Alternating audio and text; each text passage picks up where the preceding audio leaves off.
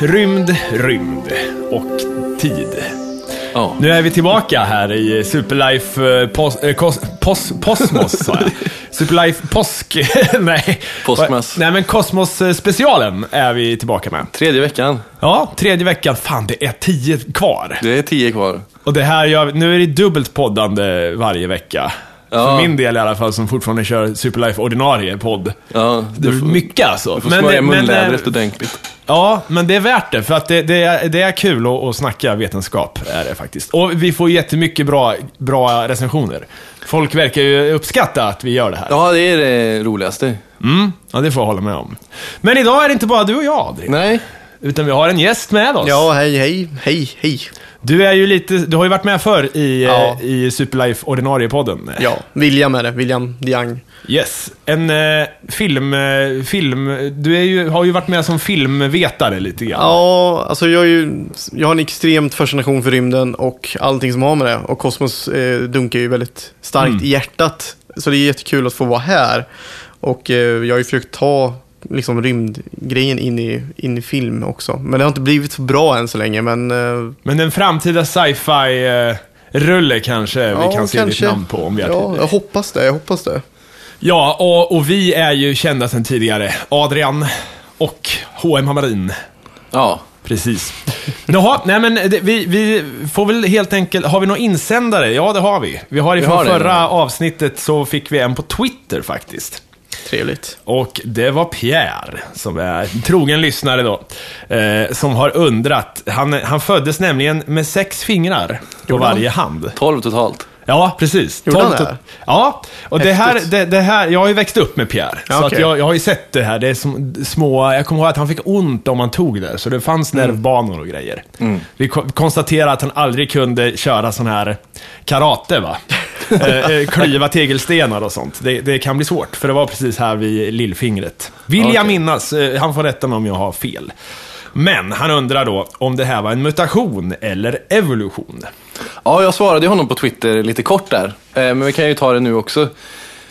Nu, alltså jag är inte helt hundra procent, eh, alltså missbildningar och sånt, jag vet inte om de alltid är genetiska mutationer, men, eh, men om man ska säga så här då, att, att han har fått ett extra finger på varje hand kan man ju se som en mutation då.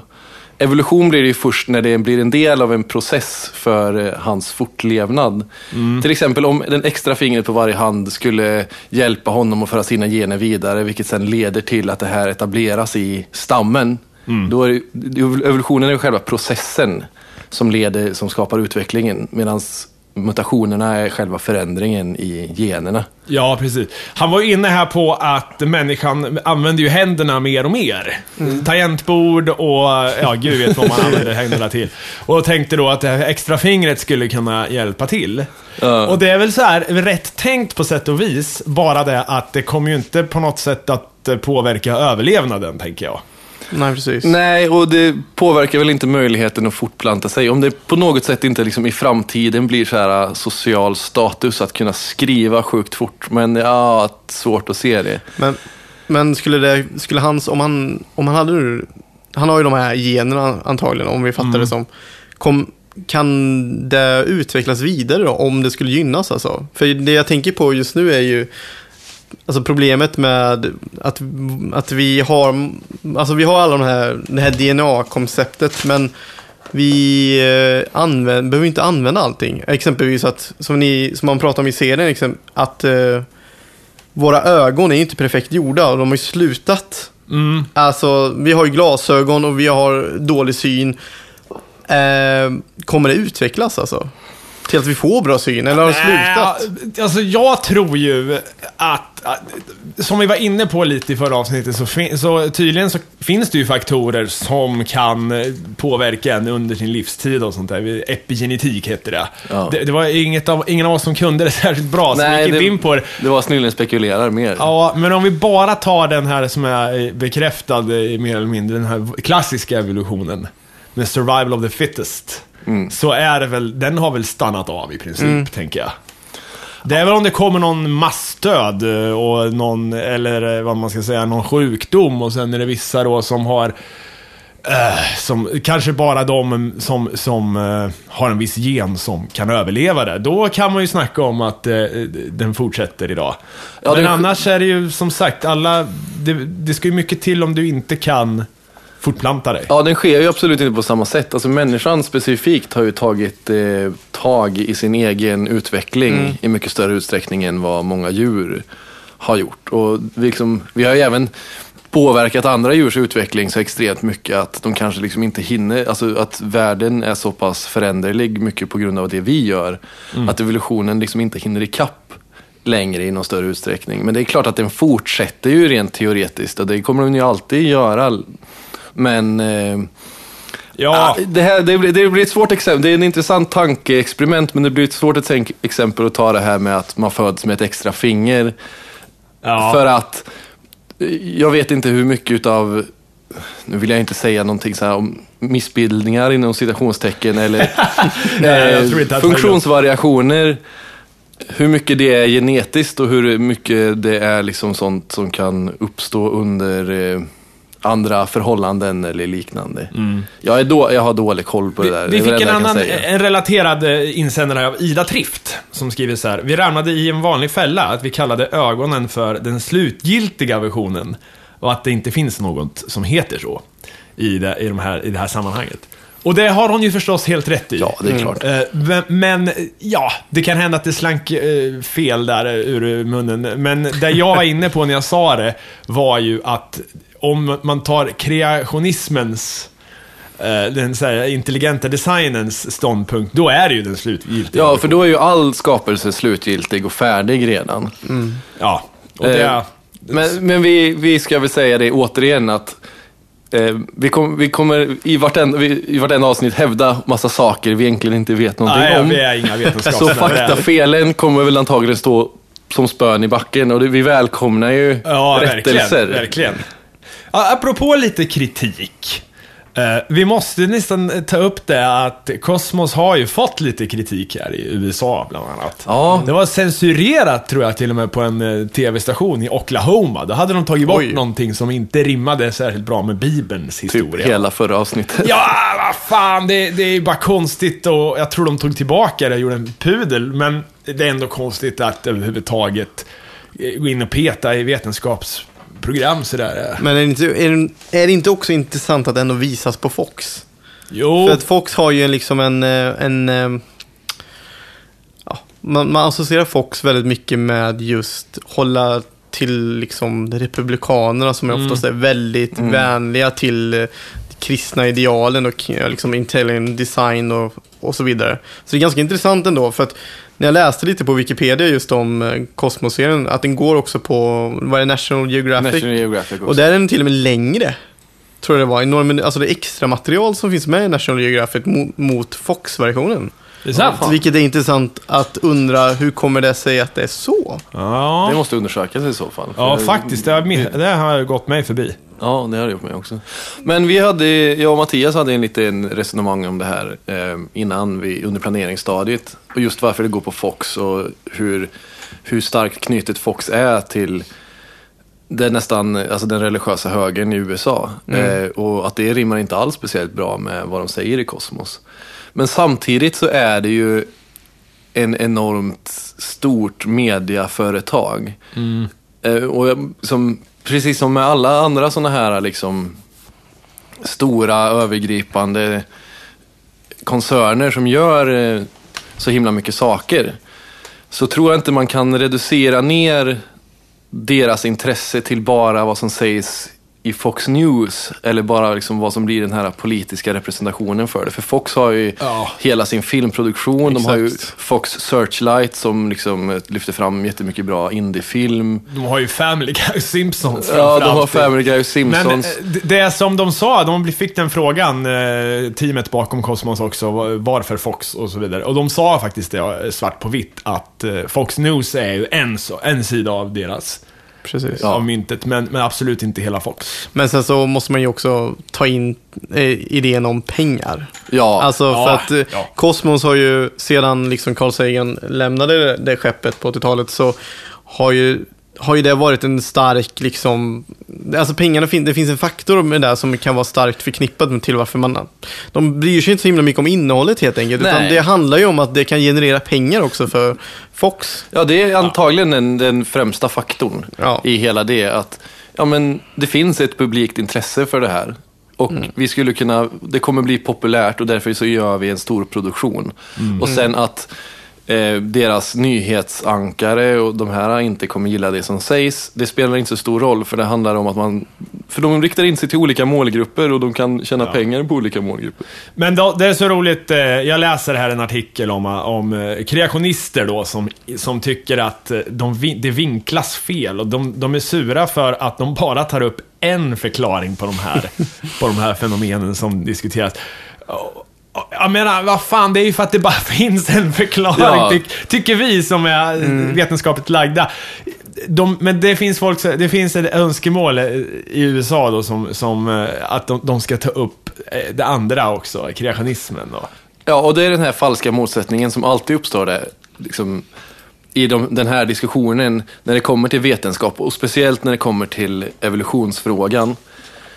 Så är det ju det här, den här falska motsättningen att det finns två sidor. Men det finns inte två sidor. Det finns inte två jämbördes sidor som man kan ställa emot varandra. För det finns en Nej. sida som bygger på vetenskaplig fakta, som bygger på år, och liksom hur många år som helst utav undersökningar och bevis.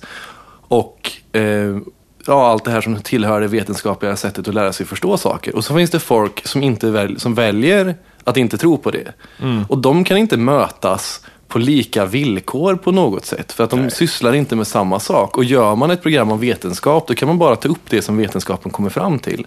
Och då kan man ju bara ta upp en sida, för det finns inte en annan sida. Liksom.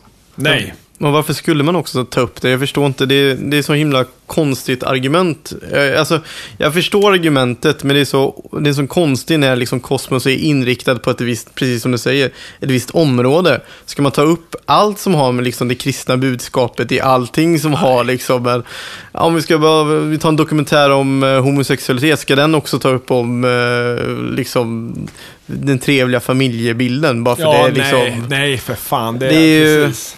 Men alltså någonting som jag tänkt på framförallt i Kosmos under de tre senaste episoderna har ju varit att, eh, att det, jag får en känsla av när jag ser den att det finns en hint om att man vill citat, basha lite på religionen. Mm, ja. Om ni förstår, om ni, alltså det här är tydliga spåret kring att man försöker på något sätt vilja, och vilket jag tycker är bra visserligen, men en slags konventera till att dra fram eh, det, alltså det problematiken med, alltså, ja. att det finns en medveten agenda, om man säger så, en dold agenda i, i Kosmos som jag inte vet riktigt ifall den var lika tydlig på 80-talet med Carl Sagans. Men det kanske var det, ni som har sett den betydligt mer än vad jag har gjort. Det finns ju absolut en agenda och jag tycker inte ens att den är speciellt dold. Utan jag, jag upplever det som att de är ganska öppna med den.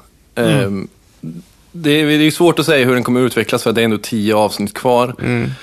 Och om man, liksom, om man tar det första avsnittet som, eh, som lägger någon sorts grund för eh, hela hur, liksom, hur serien kommer utvecklas så handlar det ju mycket om hur man, ja, hur man använder vetenskap. Och hur man än vrider och vänder på det så kommer man ju inte ifrån att det finns en motsättning där. Antingen så utgår man från vetenskapligt tänkande eller så ut, utgår man från religiöst tänkande. Och ibland kan, man, kan de kanske förenas men oftast inte. Liksom. Inte när man bygger en, försöker förstå sin verklighet och sin omvärld. Så, Det, sen är det, det, det, det är ju kul att första avsnittet egentligen handlade ju om en eh, person då, han Bruno. Som inte är vetenskapsman. Nej. Utan som, som bara hade en religiös tanke och fick eh, rätt då, eller vad man ska säga. Men det har ju också serien fått mycket kritik för att de valde honom. Därför att det på något sätt det är lite att de förskönar eh, historien. Jag, för mig, jag, jag läste att eh, de sa någonting om att Galileo, när han upptäckte eh, Jupiters eh, månar, så tänkte han, ah, nu har, alltså hade Bruno rätt. Eller nå, något liknande har jag för mig. Och jag läste någon eh, recension av, av Cosmos där de sa att förmodligen sket alla de här astronomerna, jag måste säga, i den här snubben Bruno. Det var Ja. inget, alltså vem fan brydde sig Nej men precis, och det är Ja. lite det som jag menar med att den här, alltså det finns den här tydligheten kring att man får, att det är liksom när man försöker think, think outside the box och mot liksom det vetenskapliga tänket istället för mot det kristna tänket. Att den agendan syns väldigt tydligt. Och jag menar bara titeln på den här episoden var ju liksom citat och vad det var, eh, when eh, we conquer the fear eller någonting. en knowledge conquered Ja, fear, precis. Alltså det finns den här, liksom, hela den jargongen handlar ju mer om att liksom så här, vi, vi gick på planeten jorden och vi visste inte var, var vi kom ifrån, vilket vi Mm. fortfarande inte vet riktigt. Alltså det här, vi, vi vill inte finna vår plats i universum på något sätt. Mm. Och, vilket jag tycker är väldigt fint och filosofiskt. Men det finns ju också den här, alltså den, den ty, det tydliga som jag märkte var ju det att de, det är inte den kristna världen vi, som, som jobbas längre. Nu är det den vetenskapliga och det har jag väl sett, tycker jag, den, den tråden i liksom, Ja, de men tre det, är, det, är ju, det är ju kosmos, själva etos. Och det är ju både Carl Sagans och Neil deGrasse Tyson. Det är den uppgift de har tagit på sig att föra ut vetenskapliga tänkandet och den vetenskapliga världsbilden till, till massan på något sätt. Och det är väl, det, Och det är, det är väl en av grundstenarna till vad de försöker åstadkomma. Eh, och kom, uppstår det en motsättning där så tror jag inte att de ryggar tillbaka för den. Utan då, jag tror snarare att de går liksom lite head on. Men eh, om vi ska ta, ta, vad heter det, avsnittet lite vad det handlar om. Eh, så de går in väldigt mycket på kometer. Och att kometer såg som eh, budbärare för det onda och olycka i världen. Ja. Och det här är ju ännu tydligare i eh, originalserien. Då heter avsnittet Harmony of the Worlds. Och det går ut lite på andra, saker, men det, det, det är mycket det här med pattern recognition som de nämner. Eh, Tyson. Just det. Eh, Att människan har alltid varit bra på att se mönster i sin omgivning. Och eh, stjärnorna och de här stjärntecknen har vi ju placerat där själva egentligen. Ja, Vi, absolut. vi har tyckt att det liknat en sked eller en vagn eller vad fan. Och sen har det varit olika över hela världen till och med. Karlavagnen. Det, det heter ju Big Dipper till exempel på, på, i staterna. Ja. Och så vidare. Men sen är det ju, det, det som är intressant är ju då vad som händer när det kom in någonting som inte passade i det här statiska. Stjärnorna upplevs ju i alla fall på kort sikt som statisk eh, bakgrund när man tittar upp. Så kommer en komet då och åker och då blir det ju genast, det här måste ju vara, det är, nu, nu faller himlen sönder. Nu är kaos. Ja. Ja. Men även, alltså... Det, det har ju inte så himla mycket med kanske den kristna tron, eller tro överhuvudtaget. Det har väl mer att göra med okunskapen att eh, vi eh, till en början inte kunde förstå de här sakerna. Ja, alltså, det är väl det. Alltså, människan har ju använt tro, o, liksom, oavsett vilken religion man har valt att kalla det, eller om man bara kallar det för vidskeplighet, ett, som ett system för att förstå vår omvärld. Och då all kunskap man har, eller man är förmåga, liksom, har förmågan att ha, bygger ju alltid på tidigare kunskap. Man kan ju liksom inte bara veta saker, utan man, må, det måste ju liksom stå i relation till det som man har tagit reda på tidigare. Och en, en människa som, som lever, som inte har någon kunskap, som inte har något liksom, skriftspråk kanske, de, det är omöjligt att för dem att, förstå det här stora himlavalvet valvet som någonting annat än det som de själva upplever det som och hur de tolkar det. Och då ser de ju mönster i det och då skapar de stjärnbilder och då använder de det för att liksom... Ja, som kalender och allting. Ja. eh, Det var ju deras sätt att veta när det var dags för skörd och när det var dags för eh, ja, att ut och jaga och så. Men sen så är det ju också den, den tydligheten också kring exempelvis årstider och eh, allting som, som man menar liksom, när horder för- förflyttar sig och sånt. Att det alltid, det sker liksom alltid ungefär vid samma tidpunkt och då ser man det tydliga, precis som det här, alltså det här mönstret i vår värld vi lever i. Ja. Alltså att det är liksom, oavsett vad som händer så kommer en vinter och sen så kommer liksom en sommar och en vår och sen så förflyttar sig horderna till, ja, till nya betesmark och så vidare. Så det med jagarsamhället liksom, att det Ja. blir en väldigt tydlighet kring att när vi ser de här stjärnorna i, i skyn liksom, så är det ju, Och ironiskt nog är det ju så här det uppkom religion. Ja. Ja. För att eh, eh, då jag dansade någon en, en konstig dans och så blev det jaktlycka och tänkte vi måste vi göra om det här. Ja. Och det här är egentligen OCD, alltså eh, eh, så här, tvångstankar. Ja. Men, men det finns ju till och med tecken, eller forskning som tyder på att eh, den sjukdomen hos människor, som jag själv lider av, så jag vet mycket väl vad, vad det innebär, eh, att, att det är så här, man, man ser ett mönster. Ja. Just för att människan är så inställd på att känna igen ett mönster i naturen eller händelser och så vidare. Och sen återupprepar man det mönstret för att det har funkat tidigare. Och lite därifrån kommer både tro och den här tron på astrologi och sådana här saker som egentligen inte stämmer alls. Men är, är- det då alltså, kan man då snacka om att evolutionen har gjort oss religiösa? ja, det kan man definitivt göra, skulle jag vilja hävda. Ja, ja, För- visst, visst. För he, alltså, evolutionen kan ju inte räkna med att vi ska lära oss massa saker och börja förstå våran omvärld eh, vetenskapligt. Utan det är ju snarare så här att vi är, alltså rent evolutionärt så är vi exakt samma varelser som vi har varit i hundratusentals år.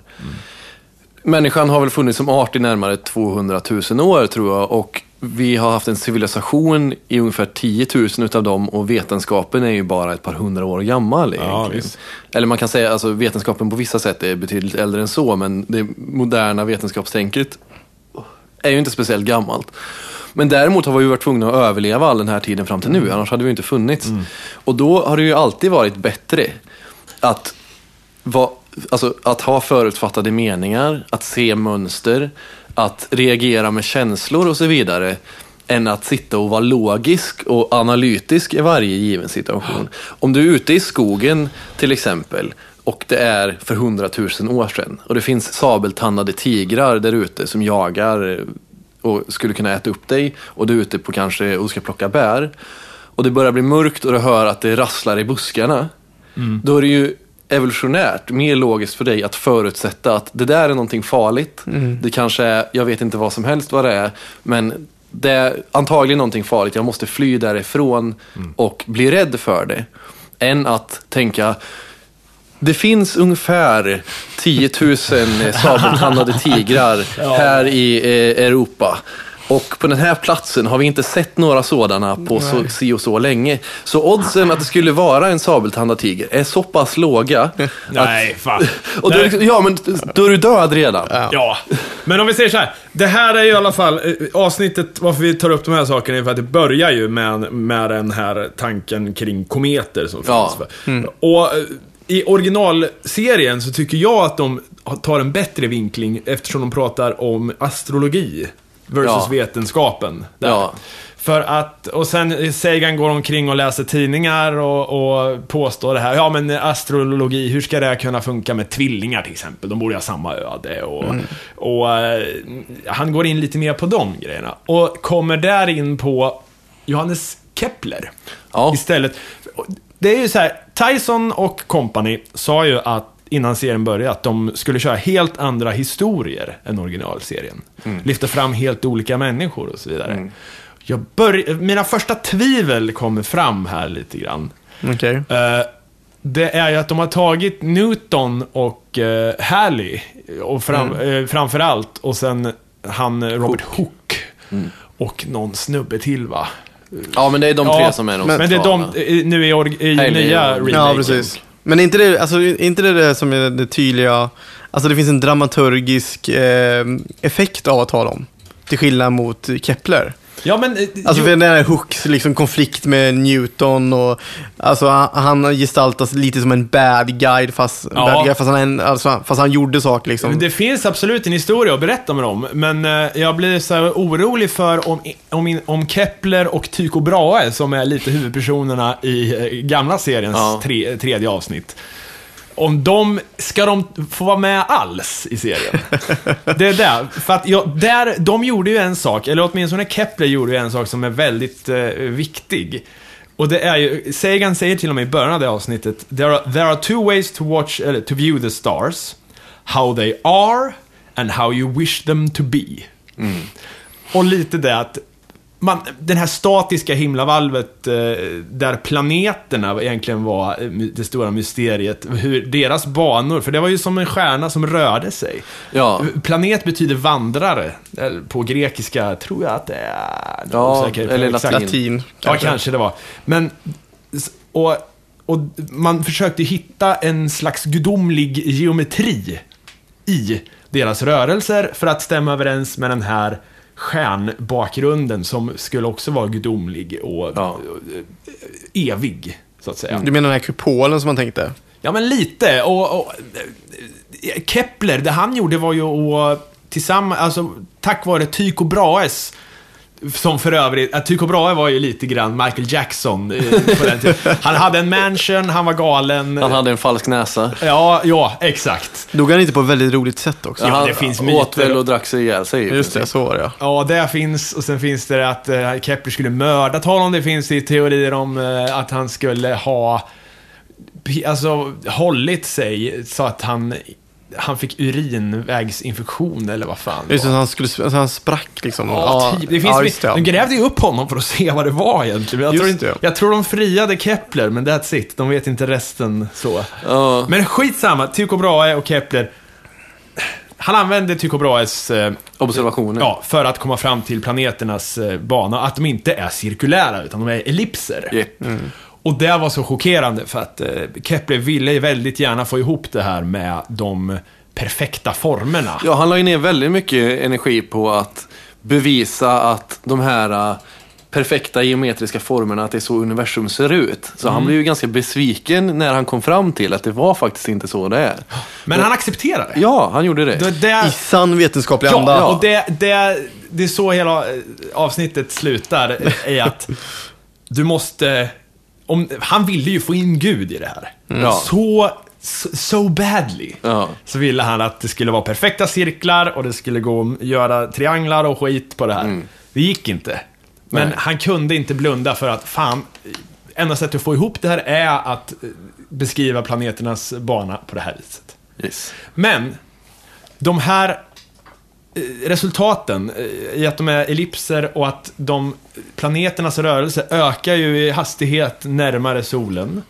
Ja. Och sen åker de ut igen och sen kommer de tillbaka och så går det lite fortare. Eh, Ja, själva rörelsen. ja det, de accelererar ju och saktar ner hela tiden. Den låg ju till grund för vad Newton sen kom på. Ja. Som Ja. vi fick följa i nya avsnittet. Egentligen kanske man borde se avsnitten lite parallellt. Alltså så här att man ser gamla och sen det nya. Kanske. Jag vet inte hur de har tänkt. Men eh, jag tycker ju på något sätt att det är synd, det är det jag menar, det är synd, för vi får ju en mycket större bild eftersom vi kollar på bägge säsongerna. Eller vad man säger, eh, rebooten och den gamla. Ja. Det tycker jag att alla borde göra. Det, det är nästan så att de borde hinta om det i avsnitten också, för att De Visst, kompletterar där- ju varandra. Ja, de tog fram, ja det är bra att de tar fram Newton och Halley är ju en väldigt eh, underskattad forskare så. Mm. Vetenskapsman kom på, det är eh, genialiskt det här med att mäta avståndet till solen till exempel via en Mm. Venuspassage. Ja. Som de tar upp. Jag tänkte återkomma till det strax, men eh, det är ju... eh, Det jag menar, det, jag tycker det kan vara synd om de inte alls ska röra vid Copernicus och Kepler och, och company. Nej, det känns ju som om man missar lite då. Ja. För som, som jag så, jag har ju tittat på båda avsnitten nu liksom samtidigt, eller direkt efter varann. Mm. Och det är ju verkligen komplement till varandra. Man får ju en hel historia där man i nästan, i de andra får halva sidan av det. Ja, För kollar man, precis som du säger, kollar man på det här hur, hur Kepler och eh, Tycho Brahes eh, forskningar leder vidare till Halleys och, och Newtons forskningar så får man ju en hel en helhetsbild där även exemplen liksom går ihop med varandra. Och det... Så vi, vi kan väl tipsa då, helt enkelt, de ska se båda två. Oh ja. Ja, se Ja, helst det. båda. Det har vi, vi har rekommenderat att kolla på i, i varje avsnitt hittills, men gör det. För det här avsnittet blir det extra tydligt hur, hur att serierna, det, det nya är mindre en remake nästan och mer ett komplement till den gamla serien. Mm. Och det är faktiskt så den gör sig bäst i ärlighetens namn. Att liksom se den första gamla och så ser man avsnitt för avsnitt så man kollar på två avsnitt varje gång. För då får man med sig allt, eller mycket, mycket mer. Ja. Men ska vi gå in på lite av sakfrågorna som togs upp? Ja, Till exempel, en fascinerande bit är ju, tycker jag, orts kometmoln. Jag får alltid skit av min flickvän för att jag som kumling uttalar ort. Alltså, som, som Kumla eller Örebro, vilken, en stad. Ja. Jag säger ort. Orten. Jag kommer från orten, eh, ute på landsbygden. Den är ju... Ja, ja, men det är så här eh, Ja, dialektalt. eh, Kumla. Och det, är- jag vet inte, så att uttala ort eh, med två o- kometmål, det måste bli någon extra grov variant av det. Men i alla fall, det tycker jag, det, det är ju eh, en intressant del av vårt solsystem. ja det är den Den yttersta, yttersta- ja. yttersta gränsen utav det. Och det vet vi inte så mycket om förutom eh, de matematiska räkningarna. Ja, det är bevisat matematiskt. För vi har ju, vi- det går ju inte att observera det. det dels för Nej. att det är, det är enormt. Jag- Vad är det? Ljusår Ja, det ligger alltså diameter. 100, det är mellan 3000 och 100 000 astronomiska enheter från solen. En astronomisk enhet är ju avståndet mellan jorden och solen. Jorden och solen, ja. Så att det är jävligt långt bort och väldigt, väldigt stort. Stort ort, som man kunde säga. Ja. Och, Och eh, avståndet mellan varje del utav det, mellan, liksom, det beskrivs ju som ett moln, men Mm. avståndet mellan varje komet är ju också sanslöst långt. Det är precis som när Tyson tar en eh, avstickare där i första avsnittet förbi eh, asteroidbältet introduktionen. och får dodga asteroider. det är heller inte särskilt... Nej. Men det var väl eh, typ avståndet mellan jorden och Jupiter i... i Ja, det är något någonting sånt. Alltså, det är Ja, ju, ja. Det Exakt. alltså mellan de... mellan varje Ja. eh, objekt i molnet. Men det är så långt bort som solens inflytande räcker. Ja, i princip. Det är ändå helt sjukt. Ja, det är, Det det är är, de jättelångt. sista bitarna av materia som är fångade i en eh, omloppsbana kring solen. Och det är ju därifrån kometer kommer.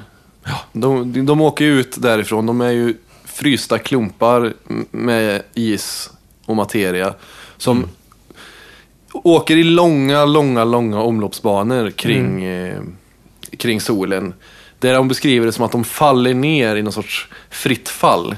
Och när de kommer närmare solen så börjar de, eh, De börjar tina. ja, de börjar tina upp och då får de Just det. sin svans. Och sen så passerar de, så åker de den här elliptiska långa banan, att det, hastigheten ökar hela tiden. Sen så åker de runt och så slungas de ut igen.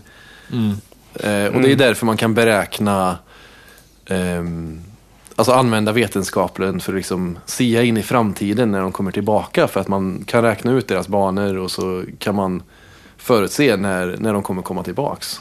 Ja, och det är också vad Halley gjorde. Det var just därför den eh, kometen fick hans namn.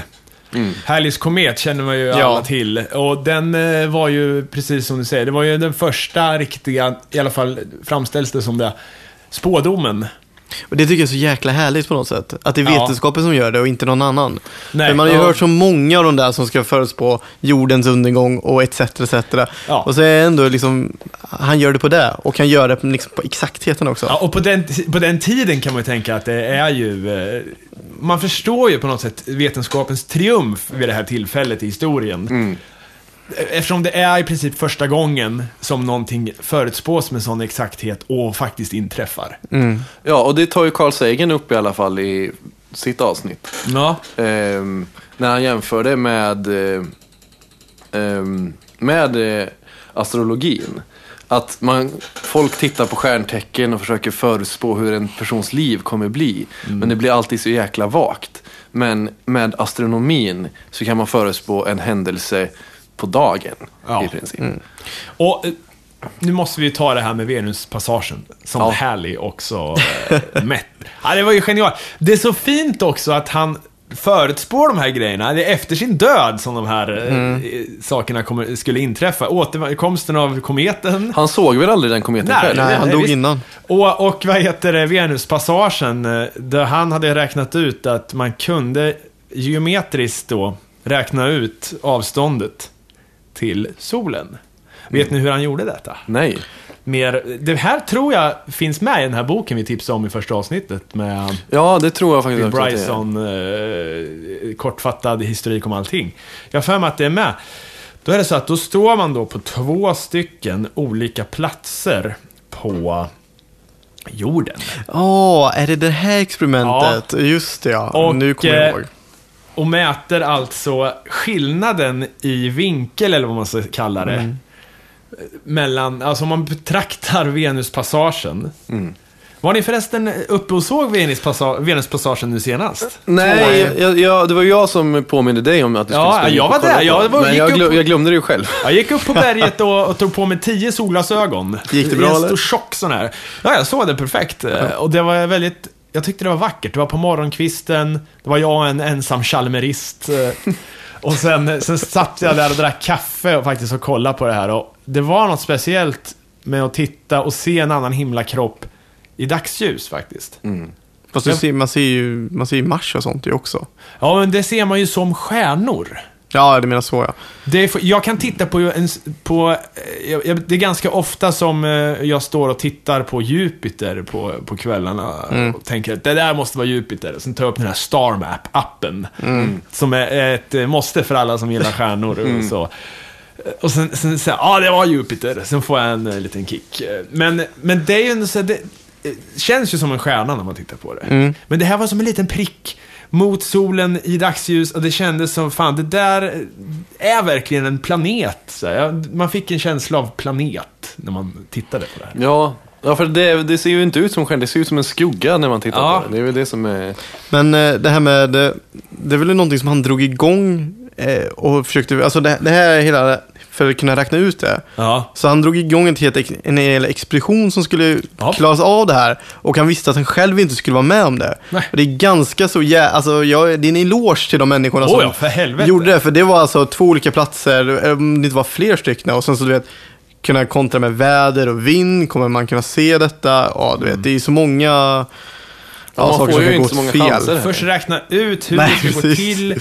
Och jag, men jag gillar att det finns de här ledtrådarna då. Tack vare Keplers eh, observationer och, och uträkningar så visste man, jag för mig att det var tack vare dem i alla fall, man visste det, eh, avståndet i eh, delar, i procent eller vad man ska säga, av jordens bana till Venus bana. Hur många procent av en astronomisk enhet då, som är mellan Venus och jorden och så vidare. Och då, då tack, matar man in det i ekvationen och får den här vinkeln då mellan de här tva, två platserna på jorden och skillnaden i det här, så kan man mäta eh, längd. Alltså det är ju, man får googla lite grann, jag tänker inte så här dra Nej. matte i Nej, nej. podden, men men det är fantastiskt att, att komma på hur man ska räkna ut det här. Jag tycker också att man, man tänker så här, att de hade så otroligt mycket tid och alltså det här att de gjorde det. Jag, jag blev så imponerad när jag såg det här avsnittet att när han skulle räkna ut när den här kometen har varit synts tidigare i historien. Att han går igenom all arkivmaterial för att ta reda på detta. Och man, sitter, man tänker nu som jag då som har pluggat historia och sysslar själv med det. det Bara att syssla med det lilla jag har gjort tar väldigt lång tid. Och då så liksom ska han då försöka tyda massa texter och hålla på. Alltså det är, bara, det är ett så jävla mastodontprojekt och man är så det jäkla det krävs glad över det. dedi- dedikation Ja. åt saken. Liksom, och man måste brinna för det så jäkla mycket. Och det är det som är så fascinerande också. Inte bara det möjligheten när man faktiskt kan komma fram till det, utan hur folk drivs till att göra det. För, bara för att göra det. Om det, här ska, det här ska man komma ihåg när man, när man, om man tror att eh, utomjordingar byggde pyramiderna till exempel och sånt. Ja. Att det, jag menar fan, folk kunde ju matte till en viss del på den tiden också. Det är fort, Ja. samma mänskliga hjärna som har kapaciteten att räkna ut saker och ting. Ja. Och, med, med, och en tro på övernaturliga ting och eh, nå- en jävla hängivenhet till att bygga kanske en stor figur på marken som ovanifrån, från gudarnas perspektiv bildar en eh, svan eller vad fan som helst. Man kan ju räkna ut att jag ritar en svan och sen bara blåser jag upp skalan och sen rä- mäter man på marken. Du kan ju rita det här utan att se hur det, hur det ser ut ovanifrån. Du behöver ju inte flyga upp för att räkna ut det här. Men alltså, så fort det rör sig om dåtiden tror alla att det här är idioter. Det måste vara utomjordingar. Jag tror man blandar ihop dem med neandertalare tror jag. Ja, i prec- eh, precis. Det, det, är- det är ju liksom misskreditera sig själv nästan. Samma Precis som jag sa, vi har ju sett likadana ut i stora drag i 200 000 år. Ja. Samma hjärnor som bygger mikroprocessorer till datorer idag var ju ute på savannen för 50 000 år sedan och jagade buffel. Det, jag- I det- princip samma i alla fall. Ja, i princip samma. Det handlar ju bara om tidigare kunskap leder till mer kunskap. Ja. Och, människorna har ju uppfunnit saker och kommit fram till saker och försökt förstå sin omvärld sedan vi klättrade ner från träden. Liksom. Newton sa ju faktiskt, jag har tagit fram en av, ett av hans citat här som, jag tror inte ens det här togs upp i avsnittet. Nej. Men det här är vackert. If I have seen further, it is by standing on the shoulders of giants. Just det, ja. Klassiskt citat. Mm. Så att det är en hommage till tidigare vetenskapsframgångar. eh. Ja, och så tyckte jag, jag tyckte det var ju som lite nördhistoriker som jag är, så tycker jag det är kul att de visar andra bilder av Newton. Newton är en jäkla karaktär. Ja, alltså för Det att, kan man ju inte ta ifrån. Nej, för att liksom, jag har läst Newton i filosofisk sammanhang och man kan läsa om dem i många andra sammanhang. Inte bara att ja, snubben kom på gravitationen via att ett äpple trillade ner. Nej, det är den klassiska bara, det bilden av... riktigt för fan. Nej, men det är liksom Ja. så här att det är så skönt att man fick se ändå en liten bild om att han försökte hålla på med alkemi och det funkar Mm. ju inte så bra. Ja, det, de visar ju historien om Newton fram till att han blir, han blir väl ledare, ledamot eller boss över den här... uh, The Society. Det är, är typ Royal Svenska Society. Akademin eller Ja. något sånt. Ja, Royal Society, eller vad den kallas. Som man tog över... Horace blev, han blev Ja, Horace. Horace Engdahl. Som man tog över efter Robert Cook. Nej, Hook. Robert Hook. Ja, just det. Hook, ja. Mm. Ehm, när han skulle ha bränt hans tavla och allt det här.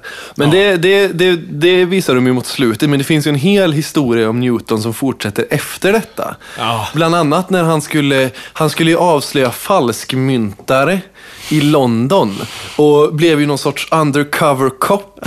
Och det, här, ja, det, här, är- det är sant. Det, det, det tror jag finns med i den här, uh, en kort historik om nästan allting. Jag tror det finns en Ja, historia ja. om Newton där. Mm, Där han liksom han, han blir en undercover cop för, han ska för att liksom den engelska valutan håller på att devalveras helt av folk som producerar egna helt, pengar. Och va? han blir inhyrd utav eh, det brittiska rättsväsendet eller utav liksom, av tronen och säger Newton, du är våran skarpaste hjärna i detta land.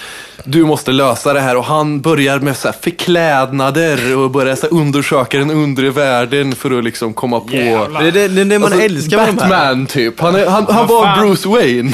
Ja, och jag älskar eh, att de tar upp eh, i alla fall lite av de här galna grejerna. För att eh, det finns ju intressanta karaktärer i vetenskap. Ja. Ja, absolut. Några av dem- Excentriker finns det en mängd. Ja, några av de tråkigare är ju för fan Einstein till exempel.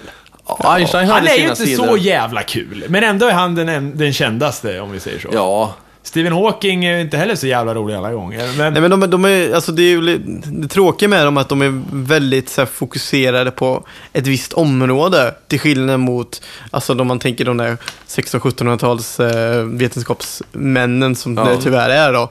Är att de är, de är liksom all over the place. För den här professionen om att man ska syssla med en sak har liksom inte etablerats. Det sker Nej. inte först på 1800-talet när man blir historiker. Så det finns jättemånga personer som är historiker, matematiker, filosof och så ska det vara någon liksom biolog på köpet. Man är allt. ja och det var ju de här äh, personerna som det handlar om i det här avsnittet.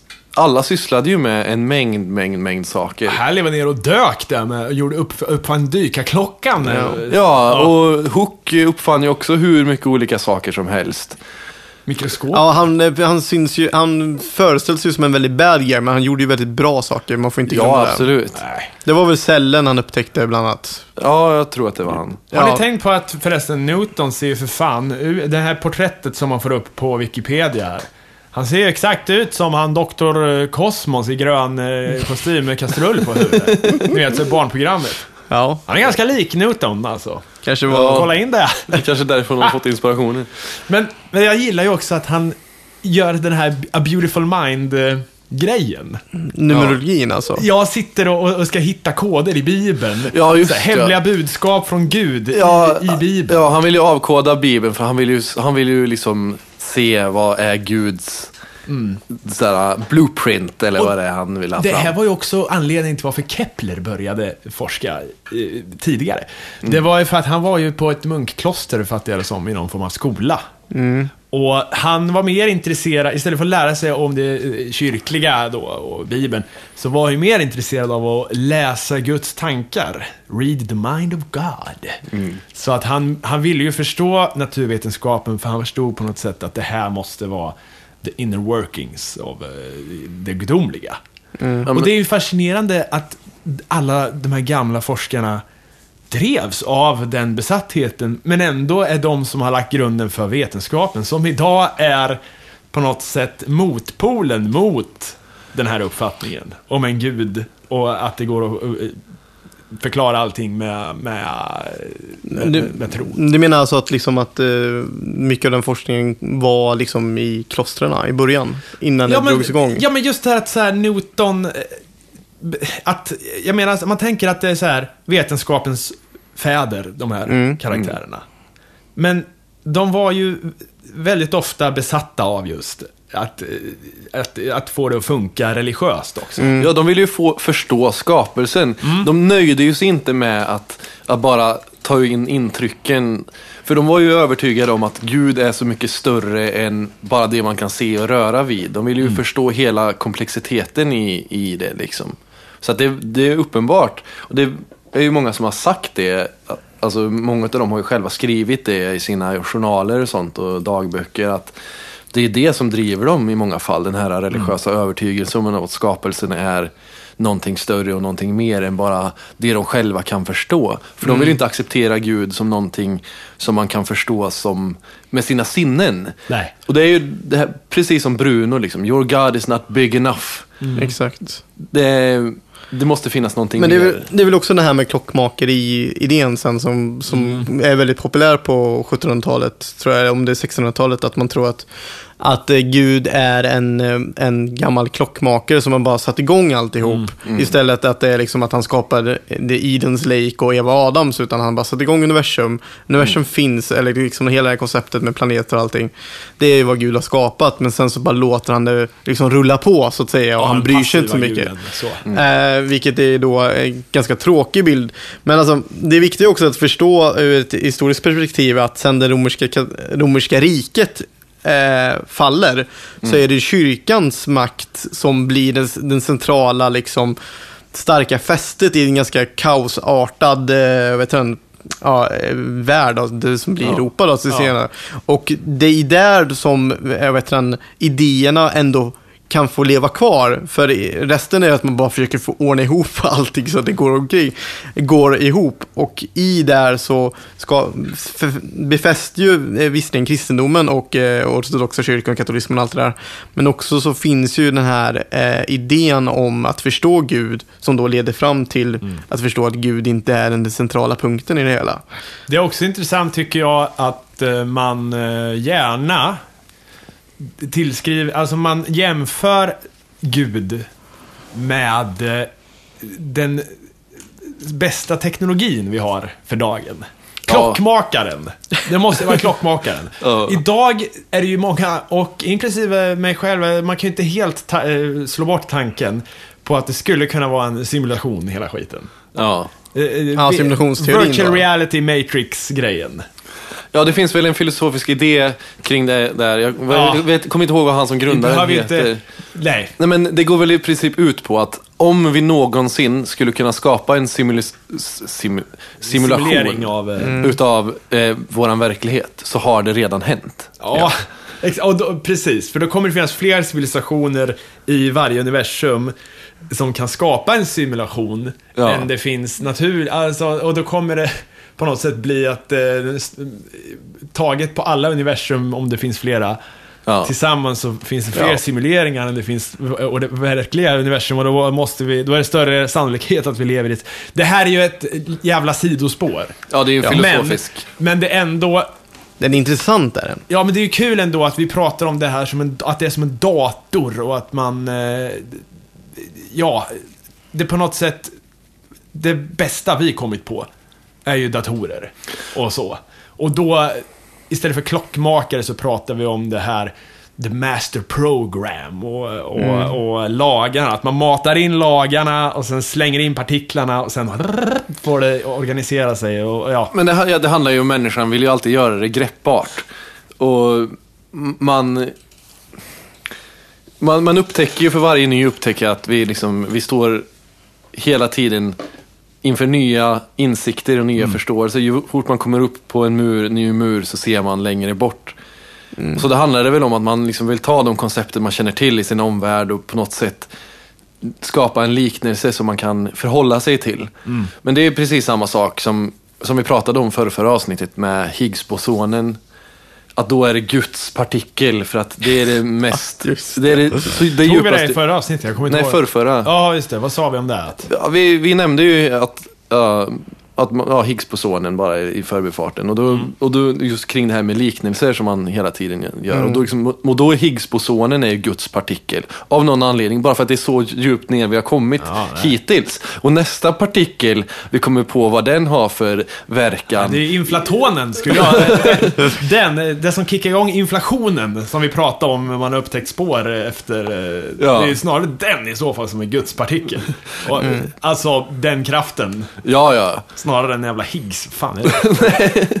Nej, men precis. Men det kommer ju, det kommer ju vara nästa gång vi kommer fram till ett nytt stort framsteg. Som vi nu, nu gjorde nyligen med inflationsteorin. Ja, precis. Den så är ju det heta. som är Guds jada jada. Men det handlar ju bara om att vi sätter oss på en ny plattform och ser längre. Vi har ju bara klättrat ett trappsteg upp egentligen. Vi har, det, är det, det är det som har hänt och det kommer hända så många gånger till. Ständigt denna Gud! ja, det är... Det är Vi blir aldrig av med honom. Va? Vi blir aldrig av med honom. Han kommer alltid förflytta sig längre bort, ja. Mm. Eh, nu någonstans, eh, visst man, om man accepterar att han inte skapar jorden, så kanske Mm. han skapade universum. Men v- vem skapade bortom där då? Bara Ja, för att vi inte kan se längre bakom Big Bang så, så kan ju Gud utan vidare ställa sig där någonstans. Ja, Och, Och flasha. ja. det är ju God of the Gaps som man kallar det. Ja. det man inte vet, där finns han. Och sen så begränsar man hens utrymme om man är nu är en... Jag tycker du ska säga han faktiskt. Det är viktigt. Jag, för jag argumenterar för att om det skulle vara en hon så skulle hon aldrig, aldrig göra sådana här grejer, sjuka saker. Så det är en han. Ja, Det är ju ett symptom på hur världen, hur skev världen är, att det är en han också. Ja, Eh, jo. Fel, de gamla tankarna. Ja, det är en chimär. Hela figuren är väl förmodligen eh, bara hittepå kanske. Ja. Eh, så att då, då är det väl skitsamma, vad fan. Men i alla fall, vad skulle jag säga? Vad, vad tror vi om fortsättningen på, på det här med vet, just de här sekvenserna när de tar fram vetenskapsmän? Jag är ju orolig för första gången. Eh, att, ja men att så här, ja, för när man har läst lite andras tankar om, om det här programmet och så vidare. Alltså, jag tror att... Alltså, min, min tanke är att jag har läst lite titlarna och det ser ju bra ut på titlarna, alltså nästa episoder och sånt. Men jag Ja. tror att, att den här är mycket mer en, en dramatiserande, eh, liksom snabb, snabb, Ja. lätt alltså, för människan eller pöbeln så att säga att ta till sig det här. Och jag trodde också det är varför, som ni diskuterade i, förra episod, episoden angående det här med DNA och det här att eh, eh, Carl Sagan tog om krabborna istället för att han tog om hundarna som jag pratade med Hamarin om att det är, för, det är ett lättare begrepp för andra att eh, förstå för att att, att vi har ändrat med hundraser är så himla tydligt och vi har Ja. gjort det så, alltså så kort tid och vi har märkt så himla snabba förändringar. Ja. Till skillnad mot att en krabba har tagit den här japanska bilden. Och jag tror, min teori är att de försöker hela tiden göra det lätt för ja, den stora massan att ta till sig det här, att vi ska du vet, komma in med det nya vetenskapstänket som jag, tyck, som jag tycker ändå att eh, hosten försöker hela tiden få fram i andra sammanhang. När han Ja. snackar om att vi inte drömmer om rymden längre. Däremot, nej precis. Men det, det, det, det är ju helt okej tycker jag. Det, det jag. Min oro grundas väl lite i det här just att den här första historien om Bruno och utrymmet han fick. Är många som är kritiska till att eh, så här, varför inte en vetenskapsperson här istället? Någon av grekerna till exempel. Som, Ja, jag tycker också. faktiskt att det är originalkosmos när de tar upp den här greken som mätte jordens omkrets på något sätt. Ändå väger lite tyngre än snubben som fan var svinreligiös och bara egentligen hävdade att Gud var evig. Ja. Och inte, inte var särskilt, jag menar, där hade Inte de... vara vetenskapligt lagd. Nej, och de hade ju förskönat det lite grann eh, där som sagt att eh, han skulle på något sätt lagt en grund för vetenskapsmän sen, vilket han kanske inte gjorde. Och då måste man ju i vetenskapens namn ifrågasätta faktan som eh, tas upp i programmet. Mm. Då tänker jag så här till exempel. Var det verkligen härlig... Hade New, det, det framställs ju som att Newton inte ens hade tagit eh, initiativet att skriva eh, någonting överhuvudtaget om inte Härlig hade pushat honom. Ja. Var det så verkligen? Eller ville de få fram en bild av att det här är ett personligt drama snarare än eh, ett vetenskapligt? Det är ju en, det är en balansgång som man måste förstå och samtidigt som man måste ju även kritisera den, för det finns ju en problematik i det.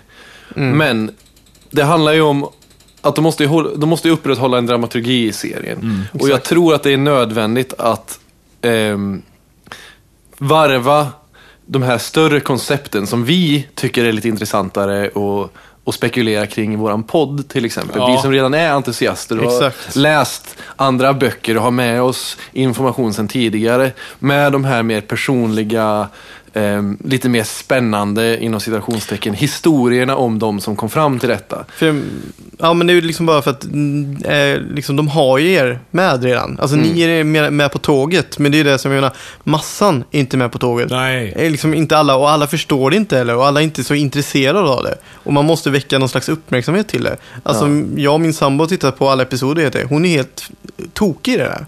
Nu. Hon tycker det är skitspännande, allt det där. Ja. Och jag tror inte att hon hade tyckt kanske att det, det var superspännande om det hade varit liksom, du vet, lite segare, lite travligt, det här mindre dramatiseringen på något Nej. sätt. Nej, jag Alltså, tror på något sätt, alltså- formatet... eh, nej, precis. Alltså Jag- det är liksom det är, på, på ett sätt så känns det som att man, så här, man måste dumförklara vetenskapen för att massan ska förstå. Det är ganska tråkigt i sig. Ja, Det är en knivsägg man Ja, balanserar exakt. på där. Så det är väl det som är så tråkigt. Fast jag, jag förstår dock inte alls med Bruno-grejen. Jag, har, jag var väldigt, alltså dramatiserande, intressant och kanske få med liksom det här, de, de kristna. Kanske. Det är väl kanske det som var med. Men jag förstår Ja. inte. Ja. Nej, men jag skulle väl, i, i, med bakgrund till det så tycker jag nog nästan att ska man se, i alla fall om man är lite mer intresserad, så tycker jag faktiskt att man ska se serierna parallellt med varandra. Att det är så Ja. man får ut mest utav det. För den nya serien, den är fortfarande bra och jag förstår din eh, oro. Men eh, Jag bara, jag, det enda jag säger är att jag, jag tycker inte att man ba, bara för att inte härma originalet eh, ska byta historier. Alla. nej, Ja, Jag menar, det finns... eh, Det, det, jag som har sett eh, originalserien flera gånger, eh, jag kommer inte ihåg allting, men det kommer ju historier sen som är så här, ja, det, till exempel den här med Kepler och Ty- Tycho Brahe. Det är en så pass bra historia, det har format mig och min, min syn på, på de tidigare, den tidigare vetenskapen. Så att jag tycker det är synd att bara skita i det just för att det tagits tidigare.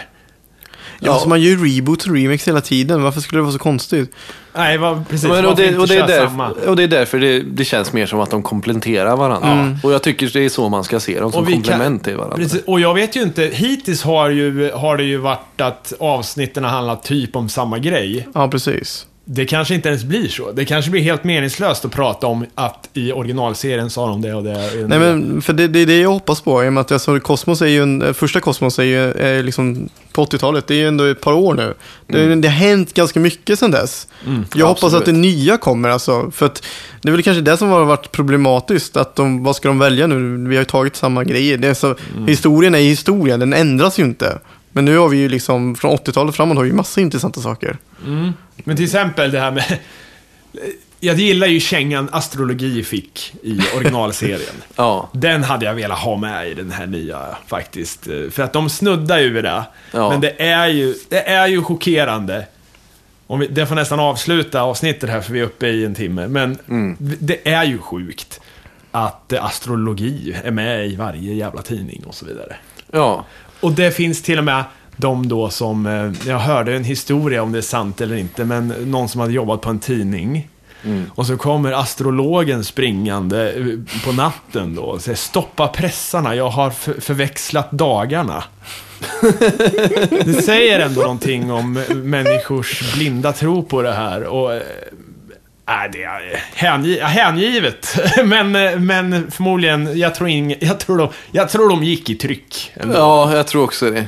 Men som sagt, Carl Sagan gick ju till en tydligare attack mot astrologin och liksom förklar, dumförklarade den i princip. Eh, Neil deGrasse Tyson tar en lite längre omväg genom att försöka förklara att det, det, det är förståeligt varför de trodde så, men det är fel och nu vet vi tillräckligt mycket och så har vi det här. Och man måste väl ha en förståelse för människan tidigt. Så liksom bara för att man hade fel betyder inte att, att det var ologiskt. Men det är ologiskt att fortsätta ha fel när det finns fakta. Ja!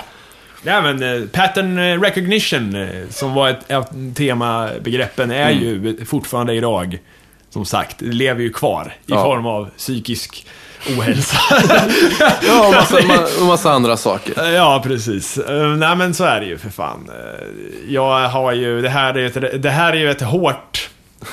Det här är ju ett, eh, ett uttalande som är kon- lite kontroversiellt så.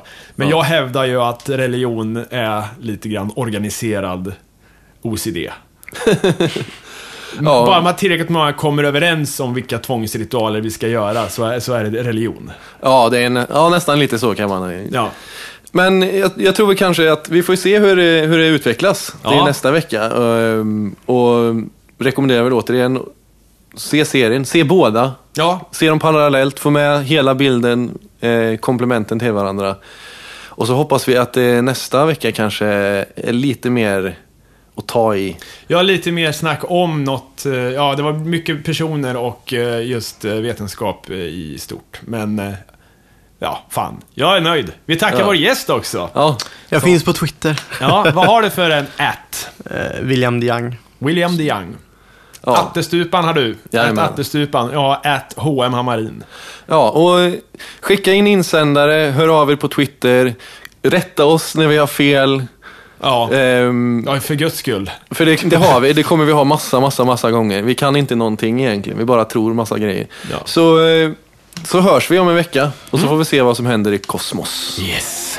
Farväl, farväl. farväl.